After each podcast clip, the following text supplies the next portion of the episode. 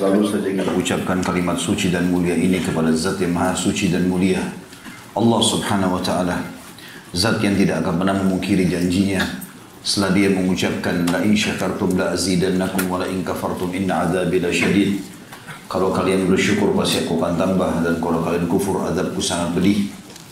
Dan tentu kita sebagai orang muslim sangat yakin dengan janji Allah itu. Dan kalimat Alhamdulillah akan menjadi senjata utama kita yang kita gunakan agar seluruh apa yang Allah janjikan kita dapatkan. Dan kita lanjutkan selanjutnya apa yang diperintahkan oleh Allah Subhanahu wa taala yaitu mengucapkan salam hormat kepada pembawa risalah Nabi besar Muhammad sallallahu alaihi wasallam sebagaimana Allah dan malaikatnya mengucapkan salam hormat kepadanya. Melanjutkan bahasan dosa-dosa besar kita semoga Allah selamatkan kita dari semuanya. Dan kita masuk pada malam ini ditulis oleh Syekh Muhammad bin Wahab rahimahullah dosa besar tentang bab al-jahalah atau bab kebodohan. Di sini yang dimaksud adalah bodoh terhadap ilmu agama. Menuntut ilmu agama adalah sebuah kewajiban, bukan pilihan. Bahkan kita harus menanamkan dalam diri kita, saudaraku seiman, Menuntut ilmu agama itu jauh lebih kita butuhkan daripada makanan, minuman, pakaian. Bahkan sebagian ulama mengatakan terhadap menghirup udara itu sendiri. Karena ilmu agama ini akan memandu kita kepada makanan, kepada minuman, kepada pakaian. Apa saja yang kita butuhkan termasuk menghirup udara sendiri, mana yang boleh dan mana yang tidak boleh.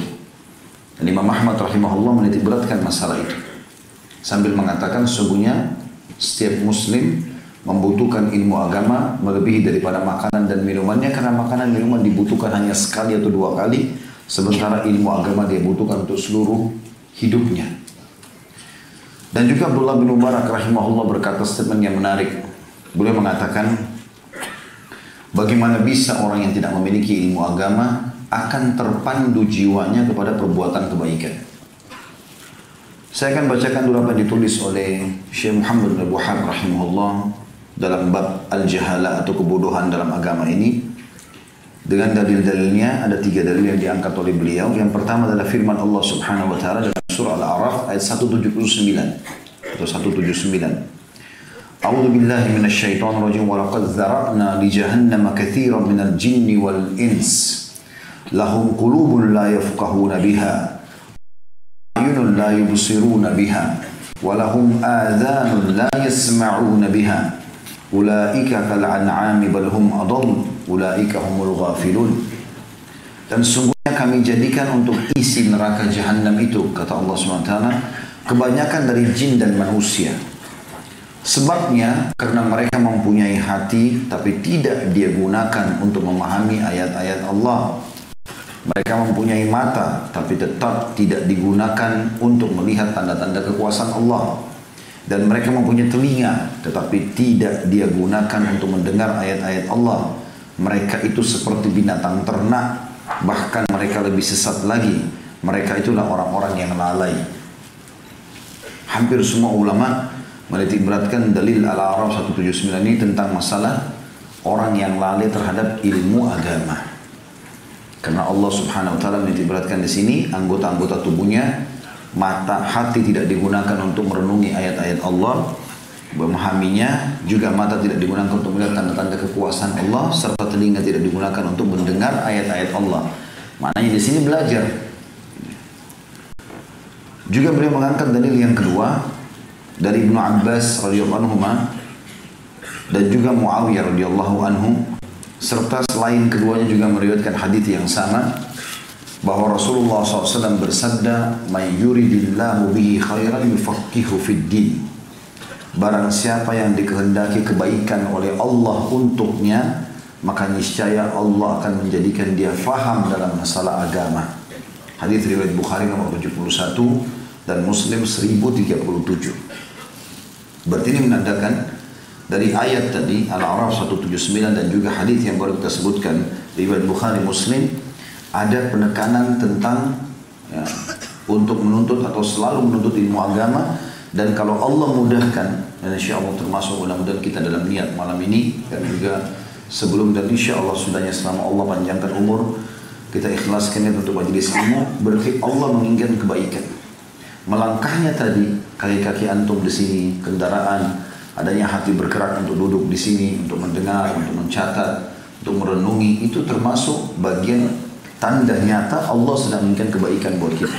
Termasuk buat saya sendiri pada saat menyusun tema misalnya dan menyampaikannya ini semua berarti Allah menginginkan kebaikan dan ini hal yang positif. Kalau Allah tidak ingin teman-teman sekalian maka kita akan dibuat malas. Kita tidak punya keinginan untuk datang menuntut ilmu. Ini sebuah karunia yang besar sekali. Begitu juga beliau mengangkat hadis atau dalil yang ketiga. Saya bacakan semua dalilnya seperti biasa. Baru kita lebih dalam membahas insyaAllah. Hadis Al-Bara' bin Azib radhiyallahu anhu.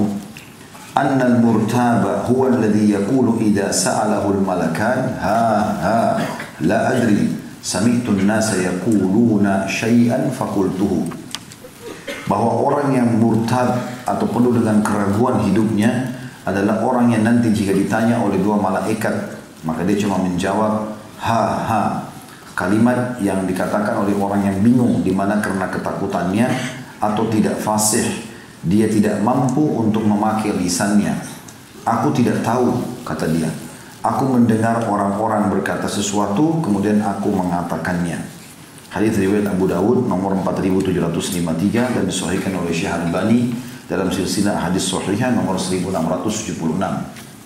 Maksudnya adalah orang yang pada saat meninggal nanti kan ditanya oleh malaikat di kuburan, siapa Tuhanmu, siapa nabimu, apa kitabmu. Maka kata beliau, orang yang sangat bodoh ini adalah orang yang sampai pada tingkat nanti kalau ditanya pun mereka tidak bisa jawab karena tidak punya ilmu.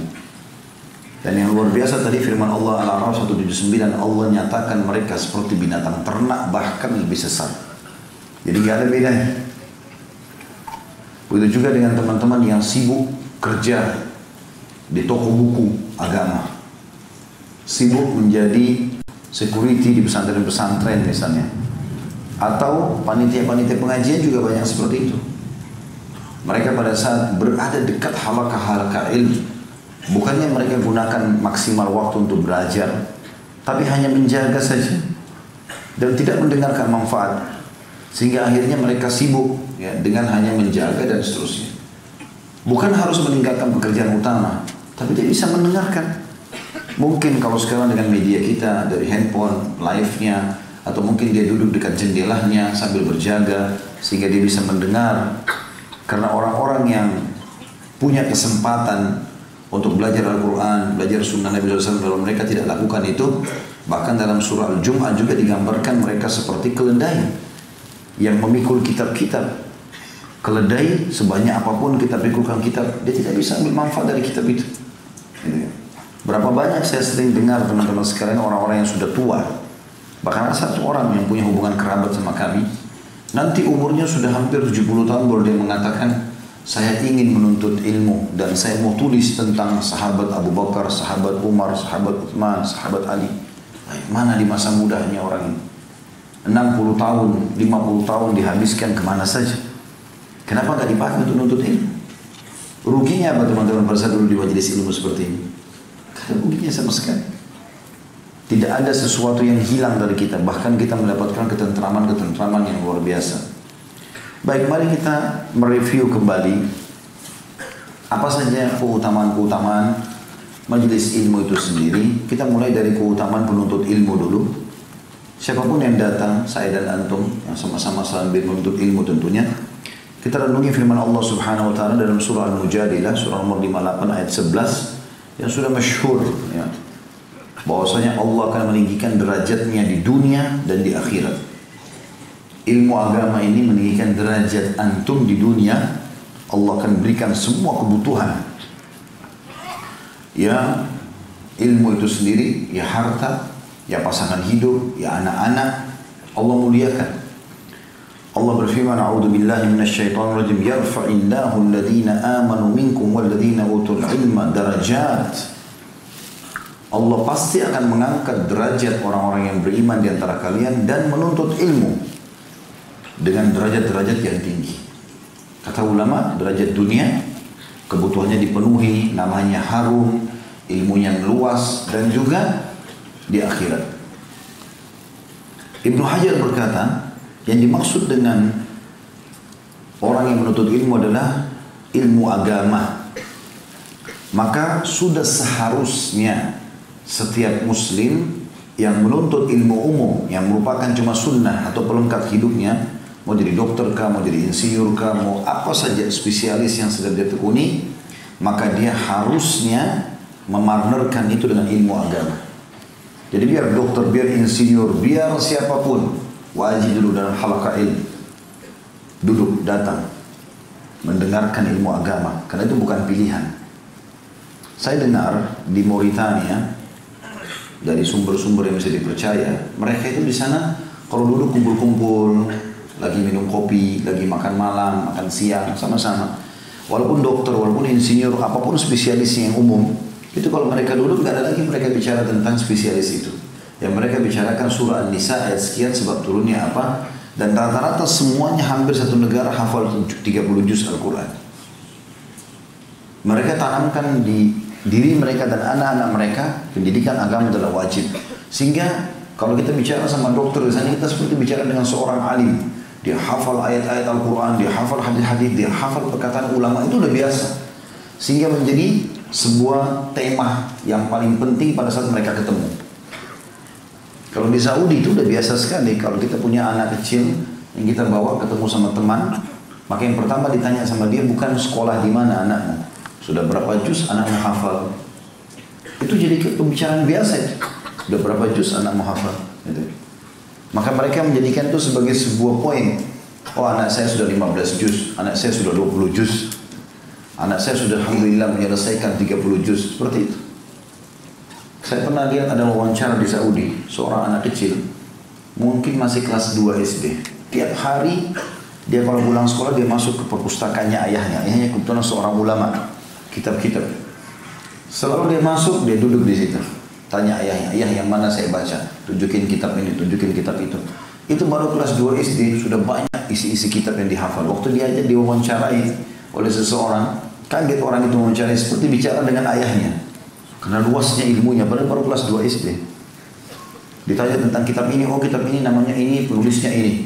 Sekian juz jumlahnya, isinya ini, ini, ini. Anak itu dengan lincah berbicara. Lalu kata yang bertanya itu, apa kau sudah hafal 30 juz? Bilang, sudah, sudah hafal 30 juz Al-Quran, Alhamdulillah. Apa mengganggu pelajaran di sekolah? Tidak. Saya malah nomor satu di sekolah saya. Ini luar biasa gitu. Keberkahan yang Allah kasih justru lebih melimpah dengan adanya ilmu agama. Juga teman-teman sekalian yang kedua adalah jalan termudah menuju ke surga.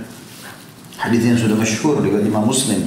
Man salaka tariqan yaltamisu fihi ilman sahanallahu lahu bihi tariqan ila jannah. Barang siapa yang menempuh jalan menuntut ilmu agama, Allah pasti mudahkan jalannya menuju ke surga. Dia jadi tahu mana halal, mana haram, mana makanan, mana minuman, mana pendapatan, mana pergaulan yang boleh, mana yang tidak boleh. Terkontrol oleh dia.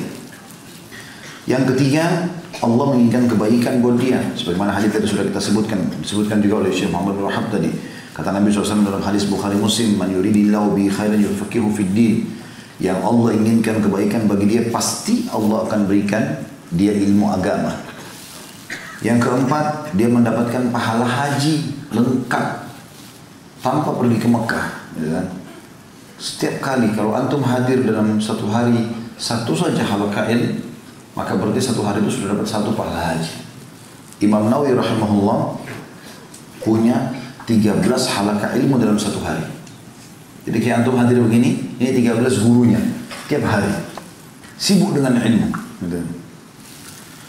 Maka Nabi SAW bersabda dalam sebuah hadis yang dihasankan oleh Syekh Al-Bani dari riwayat At-Tabarani kata Nabi SAW man ghada ila al-masjid la yuridu illa an yata'allama khaira aw yu'allima kana lahu ka ajri hajjun tamma hajjatuhu barang siapa yang keluar ke masjid Alhamdulillah seperti hal kita di masjid begini dia tidak ingin kecuali mau belajar agama atau dia mengajar maka dia akan mendapatkan pahala haji lengkap hajinya.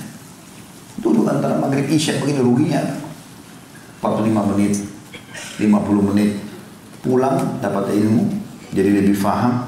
Ya, belum lagi keutamaan-keutamaan yang lain nanti akan kita sebutkan insya Allah. juga mendapatkan pahala haji. Yang kelima adalah mereka akan mendapatkan ketenangan dari Allah Subhanahu wa taala dan juga mereka diliputi oleh para malaikat. Jadi di majelis seperti ini insya Allah bukan cuma tidak ada keraguan pasti demi Allah dan malaikat hadir cuma kita tidak saksikan karena tidak mungkin Nabi SAW salah dalam masalah seperti ini.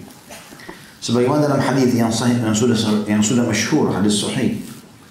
Kata Nabi SAW "Majtama'a qaumun fi baitin min buyutillah" Tidak ada satu kaum yang berkumpul di rumah-rumah Allah yatluna kitab Allah mereka mempelajari kitab-kitab Allah atau isi Al-Qur'an. Wa yatadarasunahu. Dan mereka mempelajari isi kandungannya. Bainahum di antara mereka. Illa nazalat alaihi sakinah kecuali pasti akan turun kepada mereka ketentraman seperti apa merasakan masa tidak bisa rasakan sekarang ada ketentraman senyap nyaman itu namanya sakinah itu janji Nabi SAW Kemudian juga humur rahmah. Mereka diberikan karunia. Rahmah itu karunianya Allah. Dan kita tahu karunia pun adalah pemberian yang besar. Makanya orang kalau dikasih dapat anak, kalau dikatakan dikaruniakan anak. Tapi kalau makanan, minuman tiap hari dia dapat, tidak dikatakan dikaruniakan makan. Tapi dia dapat makanan kan gitu. Atau diberi makanan. Dan juga wahafat, wahafathumul, wahafathumul malaika. Dan mereka akan di, dikelilingi oleh para malaikat. Wa dzakarahumullahu fi man indah dan Allah pasti menyebut-nyebut mereka di sisinya. Jadi depan para malaikat lihat si fulan, lihat si fulan, mereka kumpul, mereka gini dan begitu. Dalam hadis yang lain dikuatkan Allah memiliki para malaikat yang khusus keliling mencari halakah-halakah zikir. Dan Atta bin Abi Rabah rahimahullah berkata halakah zikir adalah halakah ilm. Nanti akan kita jelaskan di statement beliau. Karena beliau mengatakan majlis yang dimaksud dengan uh, hadis Nabi SAW tentang masalah taman dari taman surga. Dan ini keutamaan yang setelahnya sebenarnya ini keutamaan yang kelima tadi, yang keenam itu adalah kalau dulu dalam majlis itu seperti berada di taman-taman surga. Karena Nabi SAW mengatakan, "Idza marartum bi riyadil jannah farta'u." Kalau kalian melewati taman dari taman surga, maka duduklah. Segera duduk di situ. Kalau ya Rasulullah, Wa ma riyadul jannah? Wahai Rasulullah, kata para sahabat, apa itu taman surga? Qala hilakul zikir. Beliau mengatakan, kelompok orang berzikir. Hadis Tirmidzi dengan sanad Hasan dan juga riwayat Ahmad. Atau bin Abi Rabah menjelaskan kedua hadis ini ya. Hadis tadi tentang keutamaan yang kelima, kalau Allah menyebut-nyebut mereka di sisi para malaikat, malaikat-malaikat juga mengiringi mereka juga dengan keutamaan untuk dulu dalam taman dari taman surga beliau mengatakan Majlis-majlis zikir yang dimaksud adalah majlis-majlis halal dan haram. Bagaimana harus membeli, menjual, berpuasa, sholat, menikah, cerai, haji, dan yang sepertinya. Atau yang sama dengan itu. Abu Darda rahimahullah, maaf, uh, kita masuk dulu ke poin yang ke tujuh. Ya. Tadi yang kelima itu masalah dikelilingi oleh para malaikat dan mereka dapat rahmat ketenangan. Yang keenamnya adalah taman-taman surga, jadi seperti berada di taman surga. Dan yang ketujuh adalah mereka mendapatkan pahala seperti jihad. Jadi sudah dapat pahala haji, dapat peningkatan derajat, dapat juga pahala jihad. Jadi seperti ibadah-ibadah yang memang sudah puncak ya, haji, jihad ini ibadah-ibadah yang besar, bobotnya sangat besar, didapatkan dengan halakah ilmu. Disebutkan dalam sebuah hadis yang sahih riwayat Ibnu Majah, Ibnu Majah dan Imam Ahmad Kata Nabi SAW, Man ja'a masjidi hadha lam ya'tihi illa li khair yata'allamuhu au yu'allimah. Siapa pun yang mendatangi masjidku ini, Nabi SAW ingatkan di zaman beliau kepada para sahabat. Dia tidak datang ke masjid ini kecuali untuk kebaikan, belajar ataupun dia mengajarkan. Fahuwa bimanzilatil mujahid fi sabilillah. Maka dia setingkat atau sama selevel dengan para orang yang jihad di jalan Allah. Wa man jaa li ghairi dzalika fahuwa bimanzilatir rajuli yanzuru ila mata ghairihi. Tapi orang yang datang bukan dengan niat itu untuk menuntut ilmu atau mengajarkan ilmu maka dia hanya seperti orang yang melihat-lihat barang orang lain dia tidak dapat manfaat apa-apa Abu Darda berkata rahimahullah seandainya jadi ini uh, sebenarnya dari ketujuh poin tadi itu keutamaan-keutamaannya. Sekarang kita masuk tentang bagaimana gambaran para salafus saleh ya, menanamkan semangat dalam diri mereka untuk menuntut ilmu. Abu Darda berkata radhiyallahu anhu, seandainya aku mendapatkan satu ayat dari Al-Quran, satu ayat saja, yang tidak aku fahami dan tidak ada seorang pun yang bisa mengajarkannya kecuali orang yang berada di Barkul Gamad Barkul Gamat ini dijelaskan oleh para ulama kurang lebih lima hari, lima malam dari Mekah jaraknya. Waktu itu ya menunggangi kuda gitu ya. Maka niscaya aku akan menjumpainya. Maka niscaya aku akan menjumpainya. Imam Bukhari rahimahullah memberikan syarat dalam nukil hadis, terutama hadis dalam kitab Sahih Bukharinya itu adalah bertemu langsung dengan orang yang mengucapkan hadis itu walaupun jauh jaraknya walaupun jauh jaraknya Abu Darda berkata dalam saya ulangi tadi seandainya aku mendapatkan satu ayat dari Al-Quran yang tidak saya fahami dan tidak ada seorang pun yang bisa mengajarkan kecuali orang itu berada di Barkul Gamad kata ulama jarak lima malam dari Mekah niscaya aku akan menjumpainya saya sudah katakan tadi Imam Bukhari rahimahullah itu untuk mencari satu hadis dia harus kasih syarat dirinya menemui orang itu. Dia datang ke wilayahnya, walaupun di ujung Rusia didatangi sama dia. Naik unta, naik keledai sampai satu bulan. Setelah ditemuin ditanya dulu. Sebelum dia tanya hadisnya, dia tanya dulu orang sekitarnya. Ini orang benar nggak nih? Kalau dikatakan oh iya ini orang benar gini, ada yang puji, ada ulama yang memujinya, ada murid-muridnya, baru kemudian dia datang dan tanya lagi, benar nggak kamu telah menyebutkan hadis begini? Iya benar. Bisa saya bisa saya dapatkan disebutkanlah hadis tersebut. Setelah itu Imam Bukhari masih sholat lagi istikharah untuk menulis hadis itu dalam kitab Sahih. Tapi yang kita lihat di sini syaratnya beliau adalah datang ke tempat itu. Imam Ahmad rahimahullah dikatakan pergi menempuh jalan berbulan-bulan bahkan Kata Ibnu Jauzi rahimahullah, Imam Ahmad sudah keliling dunia dua kali. Seluruh dunia dikelilingi. Padahal zaman itu orang pakai kuda, pakai keledai, jarak jauh, jarak jauh-jauh gitu. Dua kali dia kelilingi dunia pada saat itu, baru bisa menyusun kitab Al-Musnad. Yang masyhur, ada sembilan buku hadis rujukan di antaranya selain Sahih Bukhari, Muslim, Sunan Abi Dawud, Tirmidzi, Ibnu Majah, An-Nasa'i, Ad-Darimi, Muwatta Imam Malik juga masuk dalamnya Musnad Imam Ahmad. Kalau yang saya punya di rumah itu 23 jilid. Ya, mungkin lebih daripada itu. Tergantung. Tapi Musa Muhammadnya sangat luar biasa berisi banyak sekali hadis, belasan ribu mungkin puluhan ribu hadis. Tapi beliau mengelilingi dulu dunia baru bisa menulis itu. Disebutkan dalam buku Al-Jahr wa Ta'dil oleh Ibn Abi Hatim. Juga Sa'id bin Musayyab rahimahullah berkata, saya terbiasa melakukan rihlah atau perjalanan berhari-hari untuk mendapatkan sebuah hadis. Satu hadis itu mereka lakukan berhari-hari untuk mendapatkannya. Ini luar biasa ikhwan dan akhwat sekalian. Saya kadang-kadang kalau baca tentang kisah salafus saleh seperti ini, kita sebenarnya harus jadi cambukan ini. Karena sekarang kita di atas ranjang, kita di, mo di motor lagi lampu merah, di mobil, ya apalagi masya Allah yang Allah mudahkan orang punya supir, dia bisa buka setiap saat di handphonenya apa saja informasi-informasi yang luar biasa. Dia mau baca buku apa semuanya ada. Tidak ada sesuatu yang sulit itu. Apalagi kalau antum jadwalkan misal hanya setiap malam sebelum tidur baca lima hadis, sepuluh hadis, ya, baca saja. Apalah bab apa baca misalnya, tinggal diketik baca hadisnya dengan terjemahnya sudah luar biasa. Bahkan teman-teman sekalian, para ulama salaf mengorbankan bukan cuma waktu, uang yang sangat banyak ya, uang yang sangat banyak hanya untuk memahami satu bab dari bab-bab yang ada dalam kitab-kitab ilmu-ilmu. Seperti misalnya dinukil Khalaf bin Hisham al-Asadi. Khalaf bin Hisham ini salah satu ulama masyhur ya, yang terkenal dari Qurra, penghafal Al-Quran dan bacaan-bacaan Qurannya sangat dijadikan sebagai rujukan gitu. Dinukil oleh Imam Al-Zahabi dalam Ma'rifatul Qurra Al-Kibar terjemahan kitabnya ini uh, makna judul kitabnya ini adalah pengenalan terhadap para pembaca-pembaca Quran yang besar, orang-orang yang besar. Ya.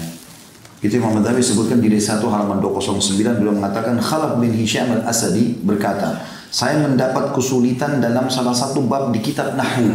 Nahwu itu bahasa, grammar bahasa gitu kan. Satu, bahasa saya tidak paham, maka saya mengeluarkan 80 ribu dirham hingga saya bisa menguasainya.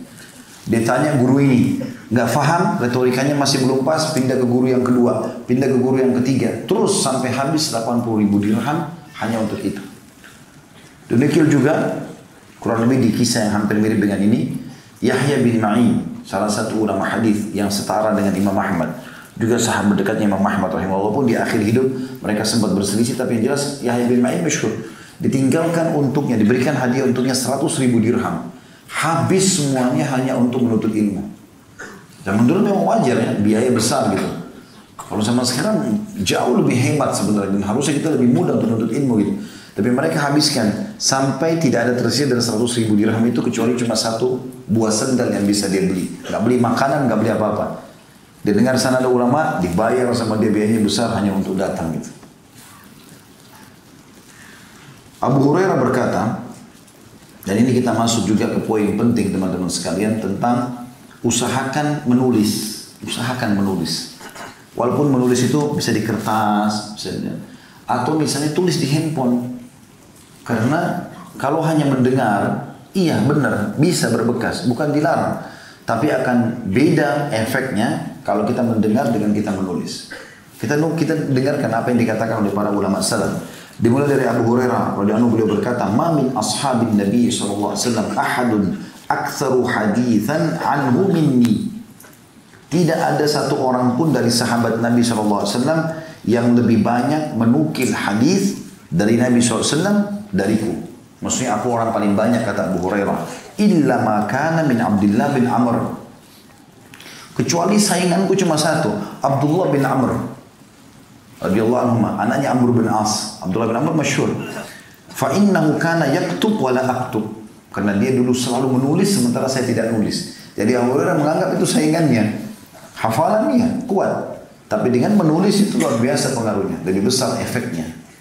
Kayak antum kalau nulis, pulang. Mungkin dengan kesibukan, lihat orang turun lift, jalan, masuk di pasar, segala macam, macet jalanan, pulang. Ada yang terlupa.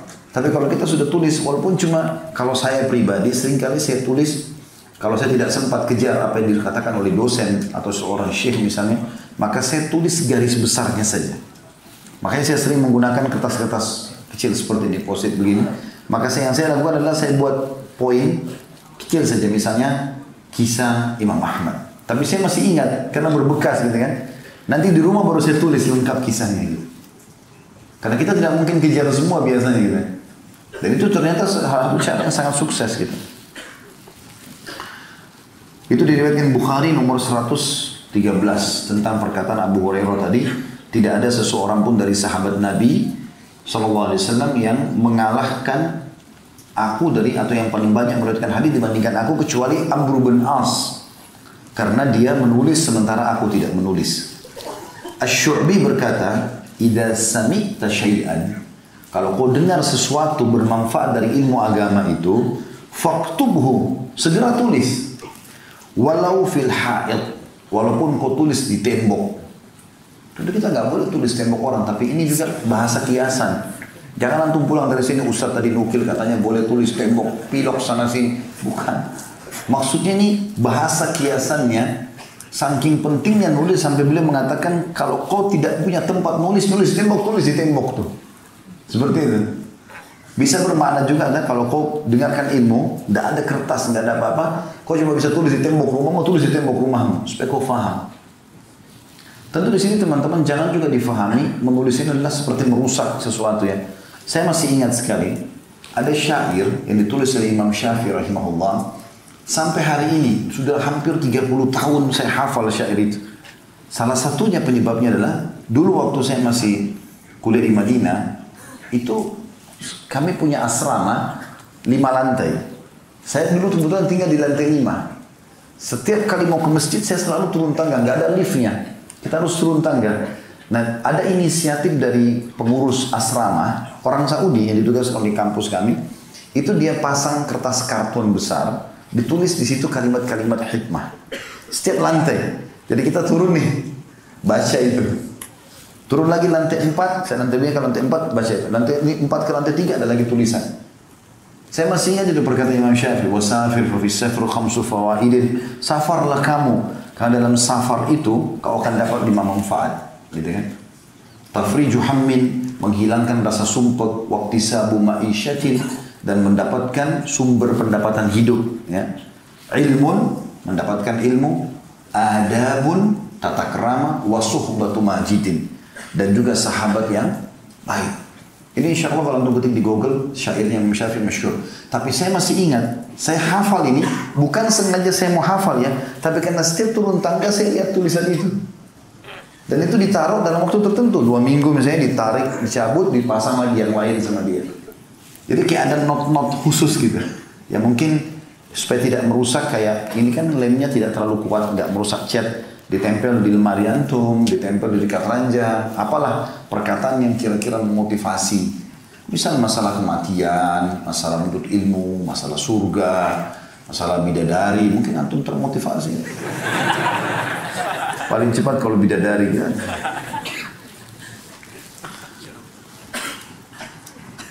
Ma'mar bin Rashid berkata, itu tadi itu perkataan Syu'bi itu dinukil oleh Abu Khaythamah dalam kitab al-ilm beliau di halaman 146 ya. Kalau kau dengar sesuatu yang bermanfaat, tulis walaupun di tembok. Dan saya sudah jelaskan tadi bagaimana sebenarnya tulisannya. Ma'mar bin Rashid rahimahullah berkata, aku menceritakan beberapa hadis kepada ya subhanallah saya lupa nukil namanya ini. Tapi jelas dia mengatakan aku menukil beberapa hadis kepada seseorang lalu orang itu berkata, "Tulislah untukku." Aku menjawab sungguhnya kami tidak menyukai menulis ilmu. Kata beliau tulislah bila tidak berarti engkau telah menyia-nyiakannya. Abdullah bin Mubarak rahimahullah berkata, seandainya bukan karena tulisan maka niscaya kami tidak akan hafal. Itu ke dalam kitab Asyir atau Syiar Alam Nubala ya. Sejarah tentang tokoh-tokoh yang luar biasa. Alam, orang-orang yang sangat terkenal. Ini 40 jilid sekian. Bukunya ada di 8 halaman 409 Imam Syafi'i juga berkata dahulu ibuku sangat miskin. Kisah beliau. Dahulu ibuku sangat miskin. Dan aku tidak bisa belajar kecuali aku hanya diberikan atau disodorkan kepada para kutab. Kutab itu kayak ahli nulis ya. Atau para ulama yang memang memiliki orang-orang yang menulis di sekitarnya gitu kan. Sehingga aku pun ikut menulis. Karena miskinnya ibuku tidak punya uang untuk membelikan aku buku maka aku tinggal mencari tulang-tulang kering yang aku tulis. Dan kalau seandainya itu sudah penuh tulang itu aku berusaha meletakkannya di sebuah wadah yang aku bisa yang aku bisa simpan. Jadi saking dikejar dengan menulis padahal Imam Syafi'i Allah sudah hafal tapi beliau tidak pernah meninggalkan tulisan. Mirip juga dengan tilawah Al-Quran ya. Walaupun kita sudah hafal 30 juz Al-Quran, tapi tetap disuruh baca. Jadi membaca, melihatnya itu penting. Gitu. Sampai di, di, dinukil Quran Uthman bin Affan, anu yang sudah hafal Al-Quran di luar kepalanya. Bahkan dia baca 30 juz di akhir surat witir. Yang biasa untuk baca kulallahu ahad itu. Ya. Belum baca 30 juz Al-Quran. Tapi ditemukan pada saat meninggal, mushafnya belum dari kulit yang sangat kuat. Itu saking seringnya dibuka-buka, sudah banyak yang sobek-sobek. Padahal beliau juga sudah hafal. Biasanya orang mungkin kalau sudah hafid, sudahlah nggak usah sentuh mushaf. Enggak. Beda pahala menghafalnya dan mengulangi, beda pahala dengan melihatnya. Ada pahala tersendiri. Allah Subhanahu wa taala memerintahkan kita untuk menulis ya. Syekh Utsaimin rahimahullah dinukil tentang beliau sebuah statement yang menarik. Beliau mengatakan Allah Subhanahu wa taala memerintahkan kita untuk menulis dan itu menandakan menulis adalah sesuatu yang sangat penting dalam ilmu. Karena Allah berfirman, "Iqra bismi rabbikal ladzi khalaq." Bacalah atas nama Tuhanmu yang telah menciptakan. Khalaqal insana min 'alaq yang menciptakan dan manusia dari alak. Alak itu sesuatu yang menempel dengan kuat di rahim. Ikra orang bukal akram. Bacalah dan Tuhanmu maha pemurah. Alladhi allama bil qalam. Yang telah mengajarkan prosesi penulisan. Ya, kan? Allamal insana alam. Dan dari proses itulah Allah mengajarkan manusia dari tidak tahu menjadi tahu. Begitu juga tentu surah ya, Nun. Wal qalami wa ma. Nun. Ya. Surah Al-Quran mengatakan wal qalam masturun dan pulpen atau pena yang mereka gunakan untuk menulis. Jadi ternyata di sini ada perintah untuk menulis. Imam Syafi'i juga berkata dalam statement yang lain tentang masalah pentingnya tulisan dalam majlis ilmu ini. Beliau mengatakan al-ilmu said. Ilmu itu seperti hewan buruan.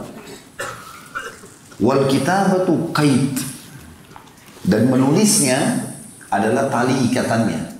Jadi kalau kita berburu, begitu kita tangkap yang kita lakukan apa pertama? Ikat. Ya. Diikat. Karena kalau tidak dia akan lepas. Maka beliau mengatakan ilmu itu seperti hewan buruan. Dan menulisnya itu adalah kait ikatannya. Wa qaidu wa qayyid suyudaka bil hibali wathiqah.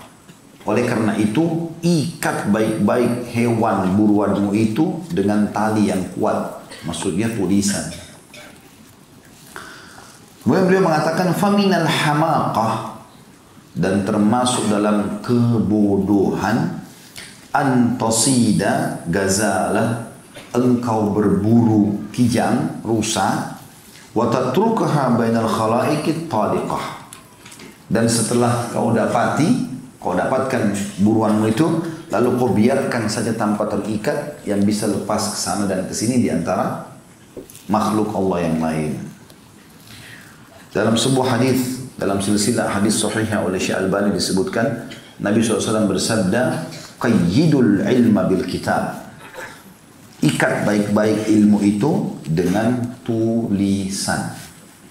Tulisan dan subhanallah Islam peduli sekali dengan masalah ini ya. Sampai-sampai kita kalau punya akad apa pun, akad utang piutang, akad ini kan ditulis semua. Dan itu sangat kuat tulisan-tulisan itu. Juga Nabi SAW bersabda kepada Abdullah bin Amr radhiyallahu anhuma, "Uktub tulis Qawalladhi nafsi biyadi demi jiwaku yang ada dalam genggamannya ma kharaja minhu illa haqq Ilmu yang ditulis dengan benar tidak akan mengeluarkan kecuali sesuatu yang benar. Riwayat Ahmad jilid 2 halaman 164 dan 192. Ini semua berbicara tentang masalah uh, menulis ilmu itu sendiri. Juga teman-teman sekalian, selain menulis ilmu itu yang perlu diperhatikan juga adalah seringnya bertemu dengan para ulama. Bahkan ulama-ulama Rabbani ulama-ulama yang memang betul-betul mereka itu menuntut ilmu dengan benar, tulus, ikhlas, buat dirinya dan untuk mengajar, itu subhanallah kita melihatnya saja sudah sebuah poin sesendiri. Ibnu Qayyim berkata rahimahullah tentang gurunya Ibnu Taimiyah. Beliau mengatakan, kami murid-murid Ibnu Taimiyah kalau sudah merasa sumpah, merasa sedih, ya, merasa ada masalah yang tidak terpecahkan, maka kami segera menemui beliau, lalu kami minta nasihatnya. Dan begitu kami melihatnya saja, maka semua sumpah itu hilang. Semua masalah itu hilang. Jadi subhanallah, efek ilmu itu sampai pada tingkat orang melihatnya pun orang merasa senang. Sumpahnya sendiri jadi hilang.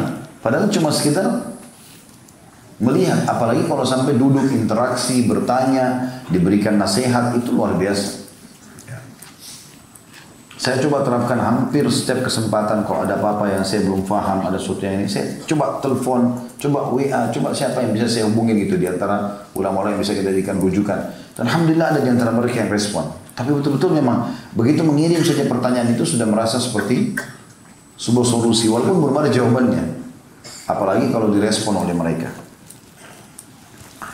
Termasuk hal yang harus diperhatikan tadi adalah selain menulis dan sibuk dengan majelis ilmu, juga kita harus mengetahui kedudukan para ulama itu sendiri. Tujuan kita belajar teman-teman, kita ingin sampai pada tingkat alim tentunya. Kita berharap satu waktu Allah SWT jadikan kita sebagai seorang yang alim. Karena mereka punya kedudukan yang sangat tinggi. Allah SWT berfirman di dalam surah Fatir ayat 28, A'udzu billahi minasyaitonir rajim. Innama yakhshallaha min ibadihi ulama. Sesungguhnya yang sangat khusyuk kepada Allah adalah para ulama. Kita tidak mungkin sampai pada tingkat ulama kecuali kita belajar. Kita terus belajar, belajar, belajar, menggali tidak pernah habis gitu ya. Yang tidak pernah merasa puas sampai nanti pada tingkat memang Allah Subhanahu wa taala sudah mudahkan kita bisa menyampaikan kepada orang-orang. Dan dinukil dari para ulama statement yang menarik, "Mangkana billahi a'raf kana lillahi akhwaf. Siapa yang lebih mengenal Allah, maka pasti dia lebih takut kepada Allah Subhanahu wa taala. Hadis yang terakhir kita akan tutup dengan ini insyaallah uh, dan nanti azan seperti biasa lalu kemudian kita lanjutkan dengan pertanyaan dan tanya jawab baru kemudian kita iqamah lalu sholat isya dan seperti biasa juga kita bubar insyaallah setelah itu supaya tidak terlalu membubarkan lagi uh, apa namanya uh, saf ya. Karena kalau kita break sholat dulu baru kembali biasanya mengatur safnya agak sudah dan sudah ada fatwa ulama tentang bolehnya menunda waktu sholat isya apalagi untuk halaqah ilm. Nabi SAW bersabda man salaka tarikan yatlubu fihi ilman. Siapa yang menempuh satu jalan untuk menuntut ilmu di dalamnya sahalallahu bihi tarikan min turukil jannah. Allah mudahkan dia jalan menuju ke jalan-jalan surga. Wa innal malaika la tadau ajniyatiha. Ridwan li talibil ilm. Dan sesungguhnya para malaikat menebahkan sayap-sayap mereka melindungi para penuntut ilmu karena ridho terhadap apa yang penuntut ilmu lakukan. Kemudian kita masuk ke masalah alim. Jadi ini target utama berdoa kepada Allah SWT supaya kita menjadi seorang alim karena kata Nabi SAW, wa innal alim dan sesungguhnya orang yang alim itu la yastaghfiru lahu man fis samawati wal ard. Seluruh yang ada di langit dan di bumi, bintang-bintang, malaikat-malaikat, di bumi semuanya ada pohon-pohon, batu, air, api, apa saja. Memohon ampun untuk si alim tadi.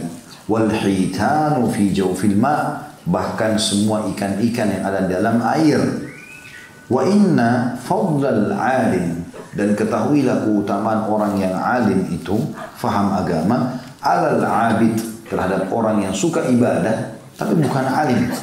Ada orang begitu rajin ke masjid lagi ibadah tapi salah sholatnya, salah ibadahnya karena tidak punya ilmu.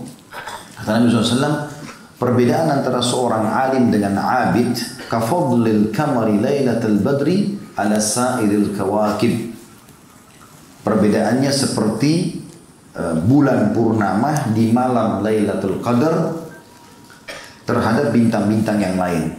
Dan ini termasuk dalil yang menjelaskan Lailatul Qadar itu walaupun di musim hujan bulannya terang. Seperti itulah. Karena memang hadis menjelaskan masalah itu. Wa innal ulama warathatul anbiya. Tentu ada riwayat lain teman-teman sekalian yang berbunyi perumpamaan alim sama abid seperti perbedaan atau perbedaanku kata Nabi SAW antara aku dengan orang yang paling bodoh di antara kalian. Jadi jangan cuma suka ibadah, harus punya ilmu. Orang punya ilmu itu dia bisa ya mengatur bagaimana mengerjakan ibadah dengan cepat dengan pahala maksimal walaupun tidak terlalu banyak ibadah yang dikerjakan. Sampai Imam Nawawi mengistilahkan dengan iktisadu fil ibadah.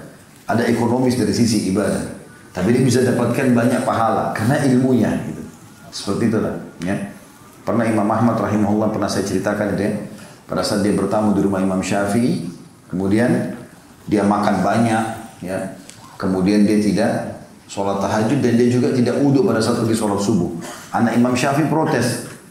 Karena Imam Ahmad, Imam, Imam Ahmad dan Imam Syafi'i bilang sama anaknya belajar dari orang ini, orang ini pintar. Pagi-pagi datang protes. Ini yang anda bilang suruh belajar, dia tadi malam makan banyak. Dia tadi malam nggak tahajud. Padahal orang ulama nggak mungkin tinggalin tahajud. Udah itu bukan lagi bahasan biasa, eh, bukan lagi bahasan luar biasa bagi mereka biasa saja sholat malam. Udah aneh kalau ada seorang alim nggak sholat malam seperti itulah. Kemudian dia sholat subuh nggak uduk kan uduk wajib. Imam Syafi'i panggil, Hai Ahmad, kenapa anakku bilang begini? Dia bilang kalau saya makan banyak karena saya tahu makanan anda halal. Anda seorang ulama, Pasti rezekinya juga halal, gak mungkin sembarangan. Maka saya perbanyak makanan halal. Gitu kan? Artinya nanti waktu-waktu yang lain saya tidak makan banyak. Ini di waktu tertentu saja. Dan semalam suntuk saya lagi sibuk mengeluarkan manfaat dari sebuah hadis. Jadi dia begadang semalam suntuk Imam Ahmad hanya mengeluarkan hadis. Kebetulan kalau tidak salah hadisnya itu tentang masalah Muawiyah radhiyallahu anhu.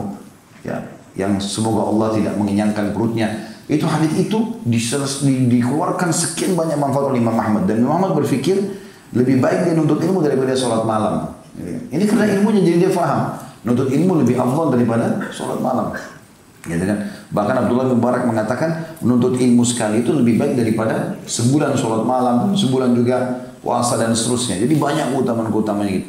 Sementara saya pergi sholat subuh di masjid tanpa wudhu karena dasarnya memang saya punya wudhu dari malam sehingga saya nggak butuh wudhu lagi. Maka terjawablah apa yang ditanya oleh anak Imam Syafi'i rahimahullah. Lanjutan hadis sebagai penutup dikatakan wa innal ulama warathatul anbiya dan ulama adalah pewaris para nabi-nabi. Wa innal anbiya la yuwarithu dinara wala dirhama dan seluruh nabi-nabi tidak pernah mewariskan dinar dan dirham. Jadi setelah Nabi Muhammad SAW meninggal, penerusnya para ulama. Wa inna mawarrathul ilm faman akhadha wa akhadha bihadzin wafir tapi dia mereka meninggalkan ilmu dan siapa yang mengambil ilmu itu maka dia telah meninggalkan atau dia telah mendapatkan bagian yang sangat banyak dalam hidupnya. Kita kembali kepada materi kita. Ya, Syekh Muhammad bin Wahab beratkan berarti orang yang sengaja membuat dirinya bodoh dalam masalah agama masuk dalam kategori dosa. Apalagi dia punya kesempatan, dia bukan lahir buta, bukan lahir tuli, ya. Dia punya kesempatan lalu dia cuma bermalas-malasan, maka ini berarti masuk dalam kategori dosa. Allahu